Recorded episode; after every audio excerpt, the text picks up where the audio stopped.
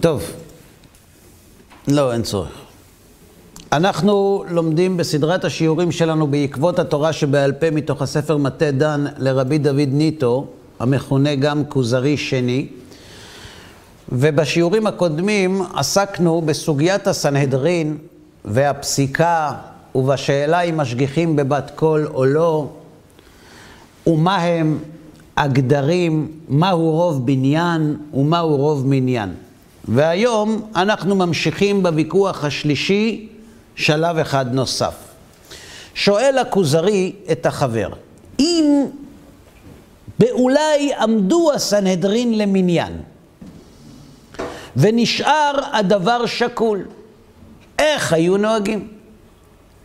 מה עושים עם כל ההלכות, עם כל המחלוקות שלא הוכרעו, שהיה ספק שקול, שעמדו למניין, ולא היה ניתן להכריע את ההלכה. עונה על זה החבר, פשוט. בדיני ממונות, אם יש ספק, אם חייב או פטור, מה הדין? המוציא, המוציא מחברו עליו הראייה. המוציא מחברו עליו הראייה. הוא כממונה בחזקת מראה. כלומר, מי שמחזיק בכסף, הכסף נשאר אצלו. אם אתה חושב שצריך להוציא ממנו את הממון, הווה ראיה לדבריך. ואם יש כאן ספק ואין הכרעה, אנחנו מעמידים הממון על חזקתו. ובדיני נפשות, פותרים את הרוצח, ולא הורגים אותו, כי יש ספק. אמר הכוזרי, רגע, כיוון שאין בית דין שקול, כמה יש בבית דין? או שלושה, או עשרים ושלושה, או שבעים ואחת. שהרי הסנהדרין הן שבעים ואחד. איך אפשר שיישאר שום דבר בספק? אה? אם מישהו לא הגיע, אז זה לא מתכנס המושב. אם מישהו נמנע, יש דבר כזה? יכול להיות, אנחנו נבדוק. אבל צריך לדעת עוד דבר. יש. מושג שנקרא מופלא בבית דין. המופלא שבבית הדין. יש מי שטוען שזה אב בית הדין. יש מי שטוען שזה הנשיא. ויש טענה שמופלא בבית דין זה מישהו מן הדיינים שיש לו הסמכות, כיוון שהוא חכם גדול, להטיל וטו. כלומר שההתנגדות שלו לא שקולה כנגד מספרו, והוא יכול להטיל וטו. ואם הוא מטיל וטו, אי אפשר לפסוק את ההלכה. בכל מאזן? בכל מאזן. אבל החבר לא הולך לשם, הוא אומר כך, איך יכול להיות ספק שקול?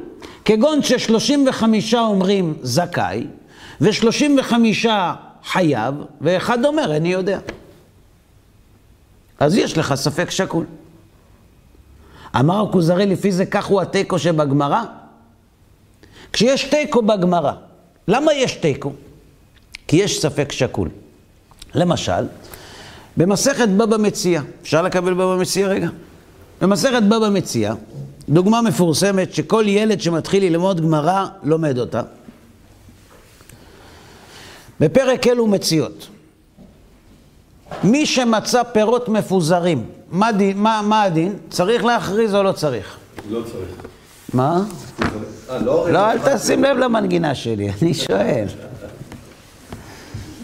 מצא פירות מפוזרים, מעות מפוזרות, כריכות מפוזרות, כריכות ברשות הרבים, ועיגולי דבלה, וכיכרות של נחתום, מחוזות של דגים, וחתיכות של בשר, ונגיזי צמר על כוכים ממדינתם, והניצי פשתן ולשונות של ארגמן, הרי אלו שלו. אז מי שמוצא פירות מפוזרים, מה הדין? הרי אלו שלו. אומרת הגמרא, מצא פירות מפוזרים. וכמה?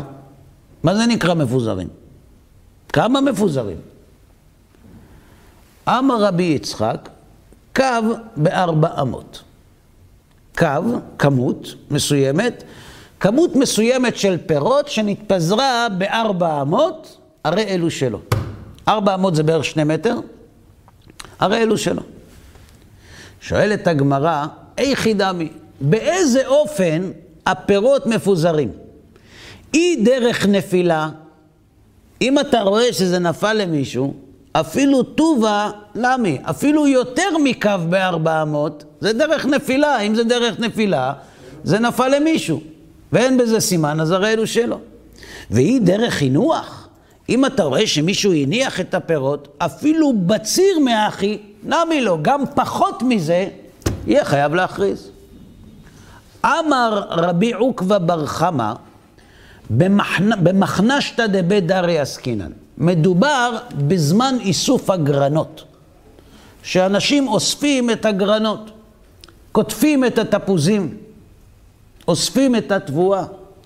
וכיוון שמדובר בזמן איסוף הגרנות, אז על קו בארבע אמות בן אדם לא חוזר.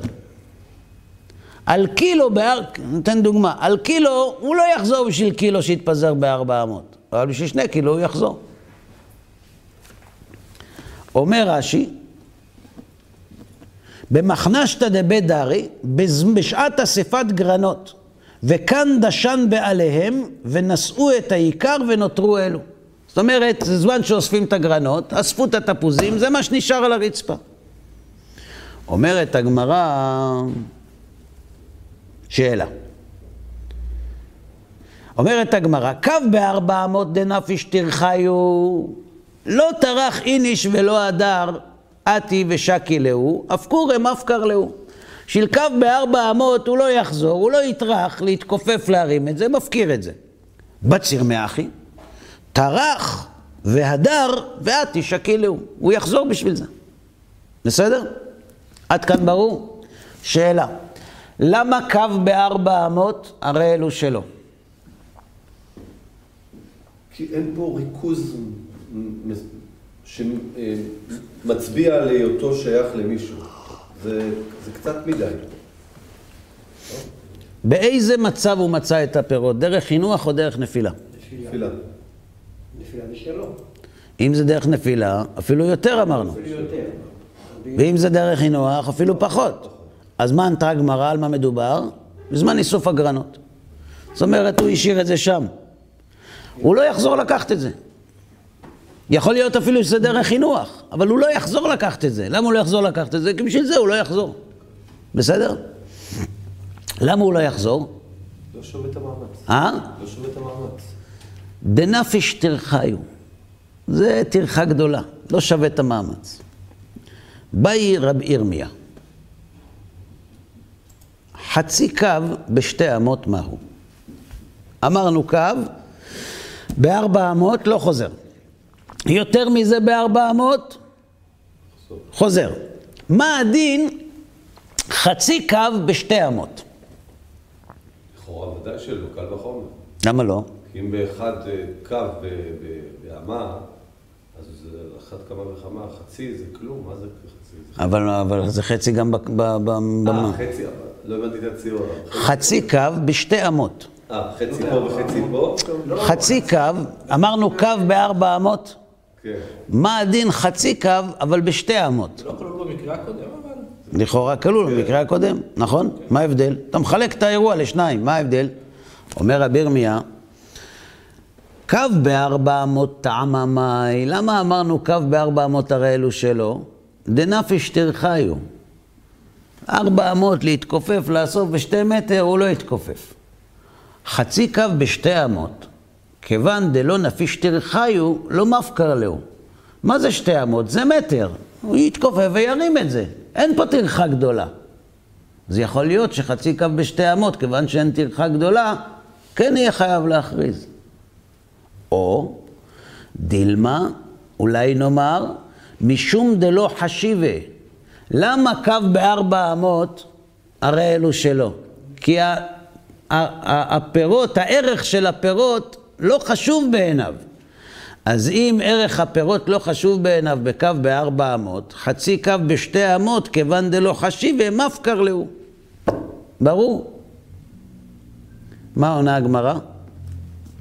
תיקו. אין תשובה. ספק. שואל אותו הכוזרי, לפי זה כך הוא התיקו בגמרא? כשיש תיקו בגמרא, זה סימן שיש ספק שקול שלא הוכרע. אמר לו, כן, אדוני. והכלל הוא, תיקו דאורייתא לחומרא דרבנן לכולה. כן, בבקשה. אומר, אם אה, בשתי אמות של אה, בחצי קו הוא היה חוזר, אז אם יש לך פעמיים את השתי אמות האלה, אז הוא היה חוזר לשניהם, נכון? אתה עכשיו שואל על הגמרא במסכת בבא מציע. כן. אנחנו לא לומדים גמרא במציע. אני הבאתי את הדוגמה הזאת רק בשביל להסביר מה זה תיקו. זהו, שאלתי, אתה שאלת אותי. אתה אומר תיקו.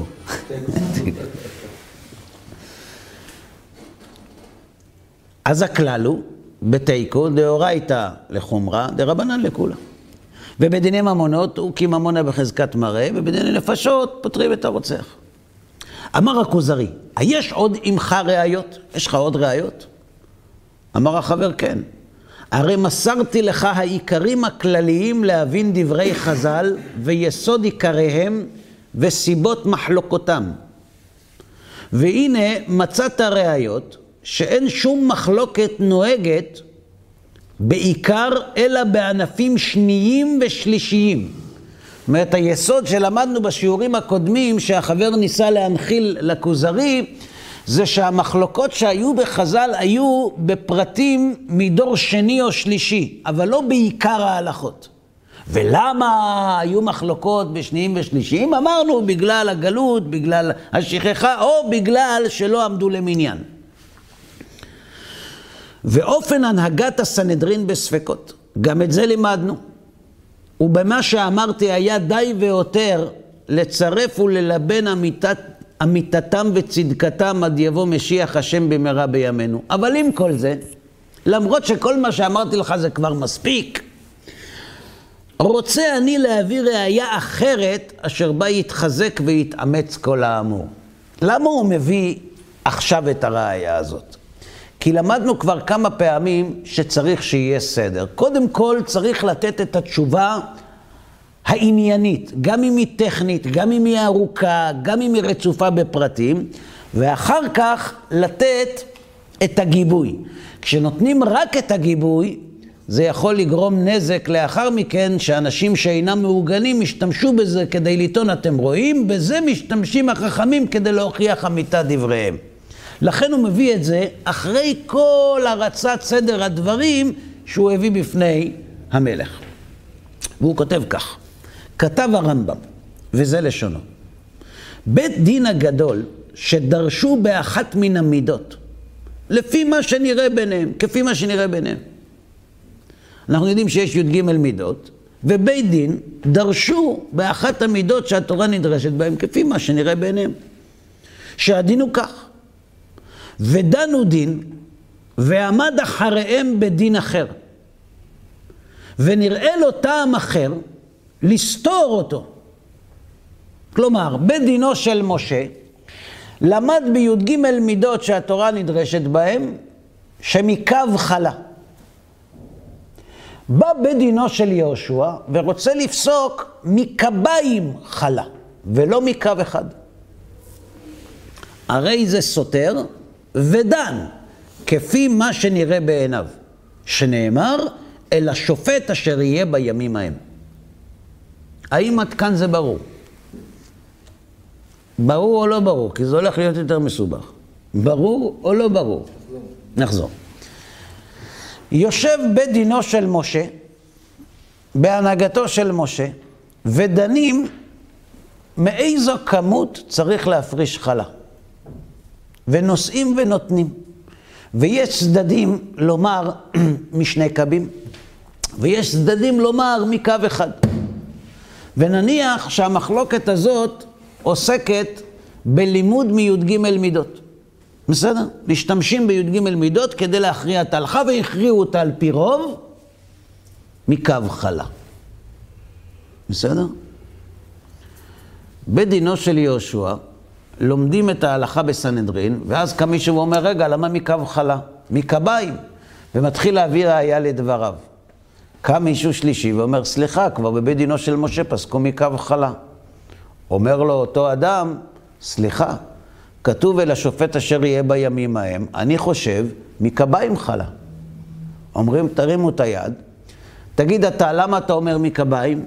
נותן את הטעם שלו. תגיד אתה, למה אתה אומר מקו? נותן את הטעם שלו. מרימים את היד, יש רוב לשני קבים ולא לקו אחד. זה רק הדברים שעוד לא הוכרעו, לא אם זה כבר הוכרע, זה לא עומד? לא? כל הלכה שנפסקה בסנהדרין על פי י"ג מידות, יכול בית דין מאוחר לבטל דברי בית דין חברו בתנאים מסוימים. כן, בסדר, בתנאים מסוימים. אני חוזר שוב. בית דין הגדול, זה לשון הרמב"ם, שדרשו באחת מן המידות כפי מה שנראה ביניהם שהדין כך, ודנו דין, ועמד אחריהם בדין אחר, ונראה לו טעם אחר, לסתור אותו. הרי זה סותר ודן כפי מה שנראה בעיניו, שנאמר על השופט אשר יהיה בימים ההם. עד כאן לשון הרמב"ם. ברור או לא ברור?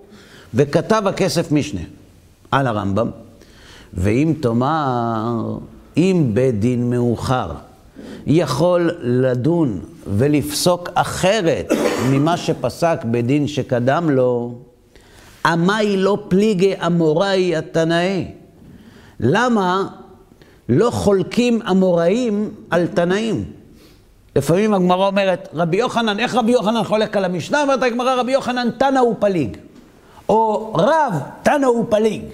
זאת אומרת, רב ורבי יוחנן, שהיו תלמידיו של רבי יהודה הנשיא, שהיה סוף תקופת התנאים, הם בבין השמשות כזה, הם גם אמוראים וגם תנאים, אז רבי יוחנן תנא הוא פליג, הוא יכול לחלוק. אז אנחנו רואים שהאמוראים לא חולקים על תנאים.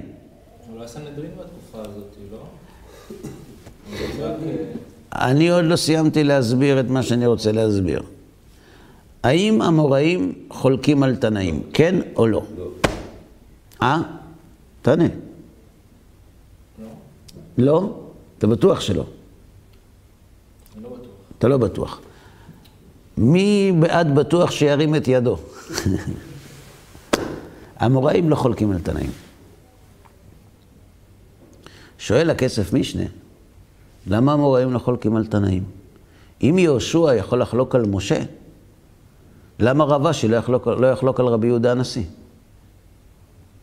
אם יש סנהדרין, שידונו. אנחנו יודעים שאחרי רבי יהודה הנשיא עוד הייתה סנהדרין בארץ ישראל.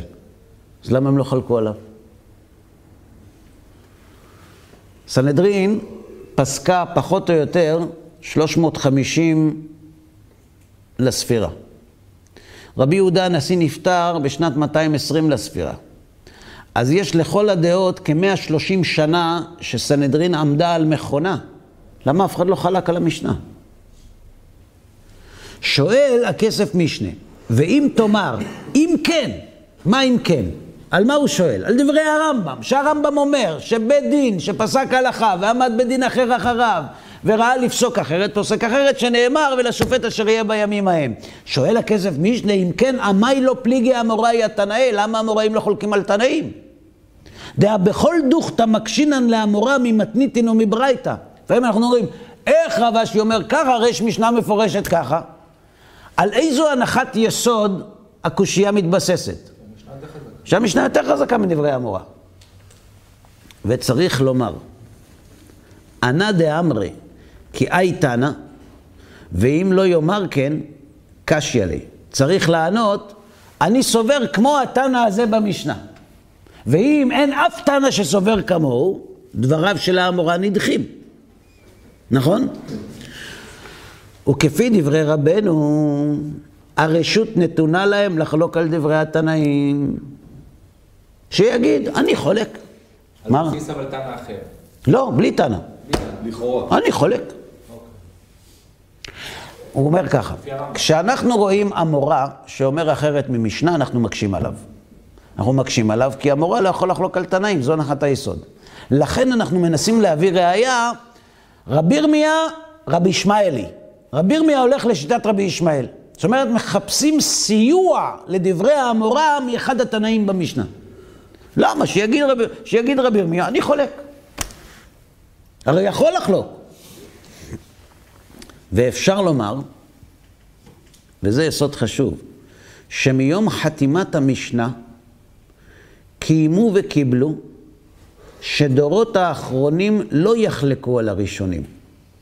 וכן עשו גם בחתימת הגמרא, שמיום שנחתמה לא ניתן רשות לשום אדם לחלוק עליה. כלומר, כשרבי יהודה הנשיא חתם את המשנה, הוא לא סתם חתם את המשנה. רוב חכמי ישראל, רוב בניין ורוב מניין, חיו בארץ ישראל. וקיבלו עליהם כל החכמים שבסנהדרין, וכל החכמים שתחתיהם, שלא יחלקו על סדר המשנה של רבי יהודה הנשיא. וההתחייבות הזאת חייבה גם את חכמי ישראל שבבבל, שהיו כפופים לחכמי ארץ ישראל, שקיבלו על עצמם להיות כפופים לחכמי ארץ ישראל, ולכן אין המוראים חולקים על תנאים. זה לא שזה אי אפשר, זה אפשר, אבל כיוון שקיבלו עליהם בתקנה, אי אפשר לחלוק. רגע, רגע, רגע, רגע, שנייה. רגע אחד. על זה אפשר לשאול, רגע, אבל יכול לקום בית דין אחר, מאוחר, ולהגיד, לא מקובל עלינו התקנה. תשובה. אתה יכול להביא רגע רמב"ם, יד החזקה, הלכות שופטים, משפטים שופטים.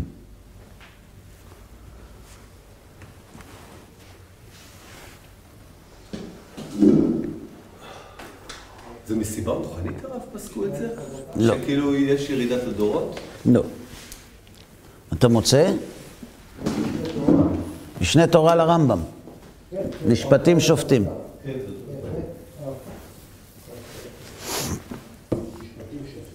תודה רבה.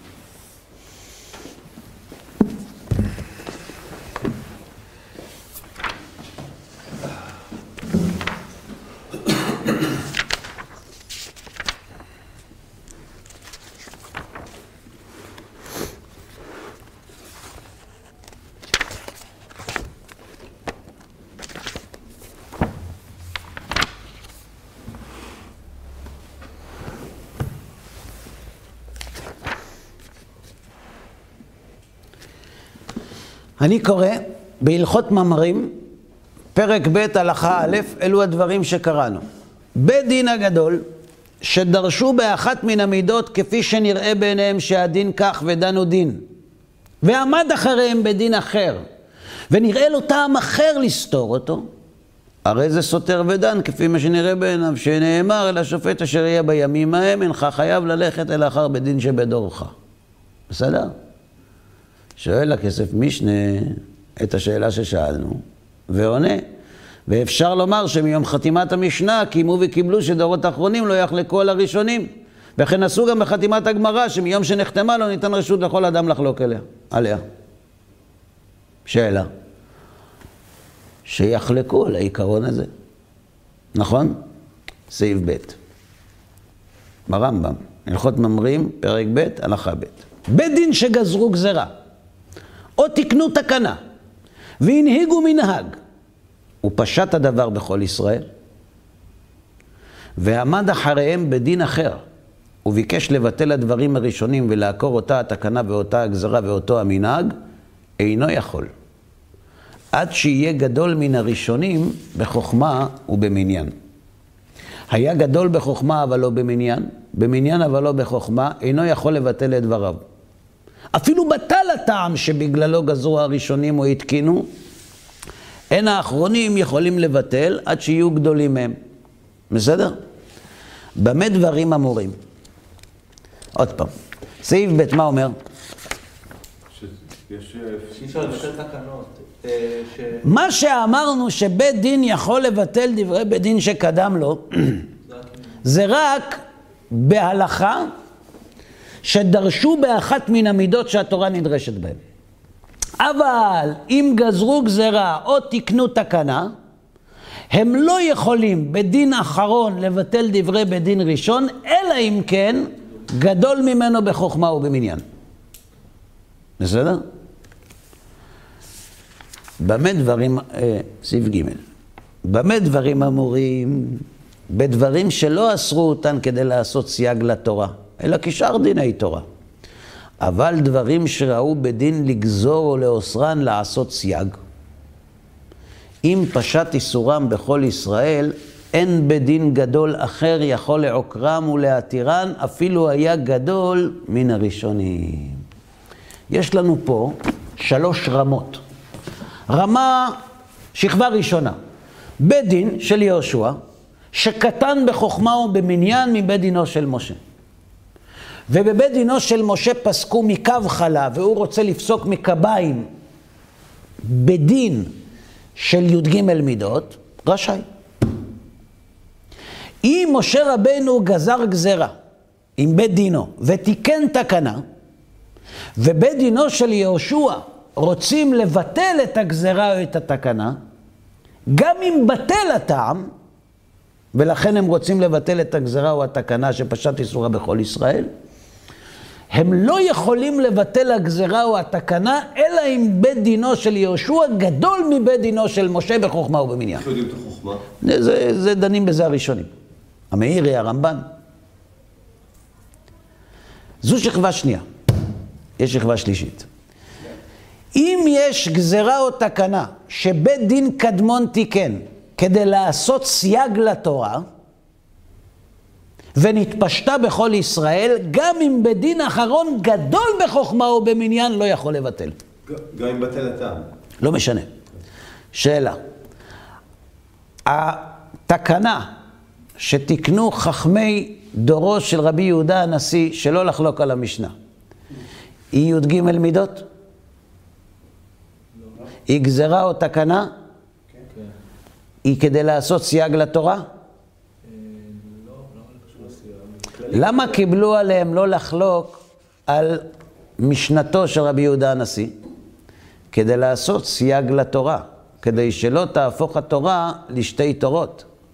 ולכן אמוראים לא יכולים לחלוק על תנאים, גם אם הם רוצים לבטל את הקבלה ואת התקנה שקיבלו בבית דינו של רבי יהודה הנשיא. גם אם הם גדולים בחוכמה ובמניין. נכון. אבל נגיד ש- שפעם... יש, יש תקווה אחת. אם לא פשט איסורה בכל ישראל. אם לא פשט איסורה בכל ישראל, אם גדול בחוכמה ובמניין, יכול לבטל.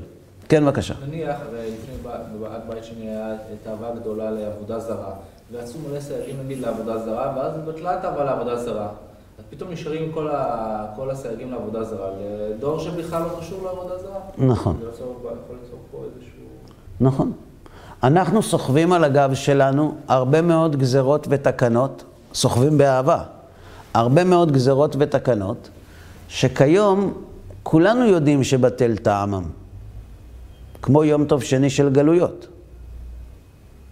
ולמרות זאת אנחנו מקבלים אותם עלינו באהבה, כי אנחנו לא יכולים לבטל גזרות או תקנות שנעשו כדי לעשות סייג לתורה, או גזרות ותקנות סתם, אם אין בדין גדול בחוכמה ובמניין, וזה שאנחנו נושאים על כתפינו את אותם גזרות ותקנות שבטל טעמם, ולמרות זאת לא מבטלים תקנתם, זה רק מעיד, א', על חיבוב שאנחנו מחבבים המצוות, ב', על האמינות של רציפות ההעברה. שאם יש משהו שהוא עדיין על הכתפיים שלנו, זה, ולמרות שהוא לא רלוונטי, זה אומר שכל מה שרלוונטי והוא על הכתפיים שלנו, גם הוא מגיע מאותו מקום. ועל סמך מה הרמב"ם אומר בעצם שאם יש סייג לתורה, אז אסור לשנות? בסדר, צריך אה, לעיין ברמב"ם, ללמוד את זכות אומרים לרמב"ם, לראות מה הסיבה שדווקא כאן עושים כך, ודווקא רמב"ם לא המציא דברים. דור אחר יכול להגיד הפוך מהרמב"ם. כן, כן, אבל הרמב"ם לא המציא דברים. בסדר? לכן הוא אומר, אפשר שמיום חתימת המשנה קיימו וקיבלו שדורות האחרונים לא יחלקו על הראשונים. וכן עשו גם בחתימת הגמרא, שמיום שנחתמה לא ניתן רשות לשום אדם לחלוק עליה. לא ראינו ראשונים שחולקים על הבבלי. אמר הכוזרי, איני רואה שום ראיה לאמיתת חז"ל מדברי הרמב"ם. מה קשור בין הדברים של הרמב"ם לאמיתת דברי חז"ל? מה הקשר? בסדר, אז לא, לא, לא יחלקו, כן יחלקו, כאילו, מה זה קשור למה שאני מדבר איתך? זה לא פשוט. פשוט מאוד. הסכת ושמע ותראה, ותראה טענה גדולה, והיא הטענה עצמה שהבאתי על חכמי בבל בוויכוח השני, דהיינו שאין אדם בעולם שיסיר נזר הגדולה מעל ראשו וייתן לאחרים הודו. והנה, לפי דברי הרמב"ם, היה כוח ביד האמוראים לחלוק על התנאים. הם יכלו. ואף על פי כן אינם חולקים עליהם. ואחרי דבריהם לא ישנו. ואם אולי נראה שהמורה חולק על התנא, שואל הש"ס כמן, כמו מי הוא? לפי שנראה בעיניו שאי אפשר שהמורה יחלוק על תנא. והגמרא עונה, הוא משני, כי היי תנא דתנן, כמו התנא הזה במשנה הזאת. או דתניא, כמו שכתוב בברייתא. ושפיר מקשה הכסף משנה למה אינם חולקים. ותירץ דשמא קיבלו עליהם כך מיום חתימת המשנה, ואני שואל, מפני מה שמו על צוואר עצמם העול הכבד הזה? ולמה נשתעבדו לדברי התנאים כתלמידים לפני רבם? התנאים חייבו אותם מותר. לא, הם יכלו... עברו שלושה דורות. או, ככה אני חושב. אני אמר הדאתרא בארץ ישראל, אני אמר הדאתרא בבבל, אני פוסק ככה. ראינו שהיו גדולי ישראל, שכשאמרו להם אבל נוהגים ככה, הוא אומר פה אני אמר הדאתרא, אני פוסק ככה. אז למה האמוראים לא תראה לאורך כל הדרך שחולקים על תנאים? שלא קם מישהו ואומר, כן, אני חולק על תנא, מה הבעיה? למה לא?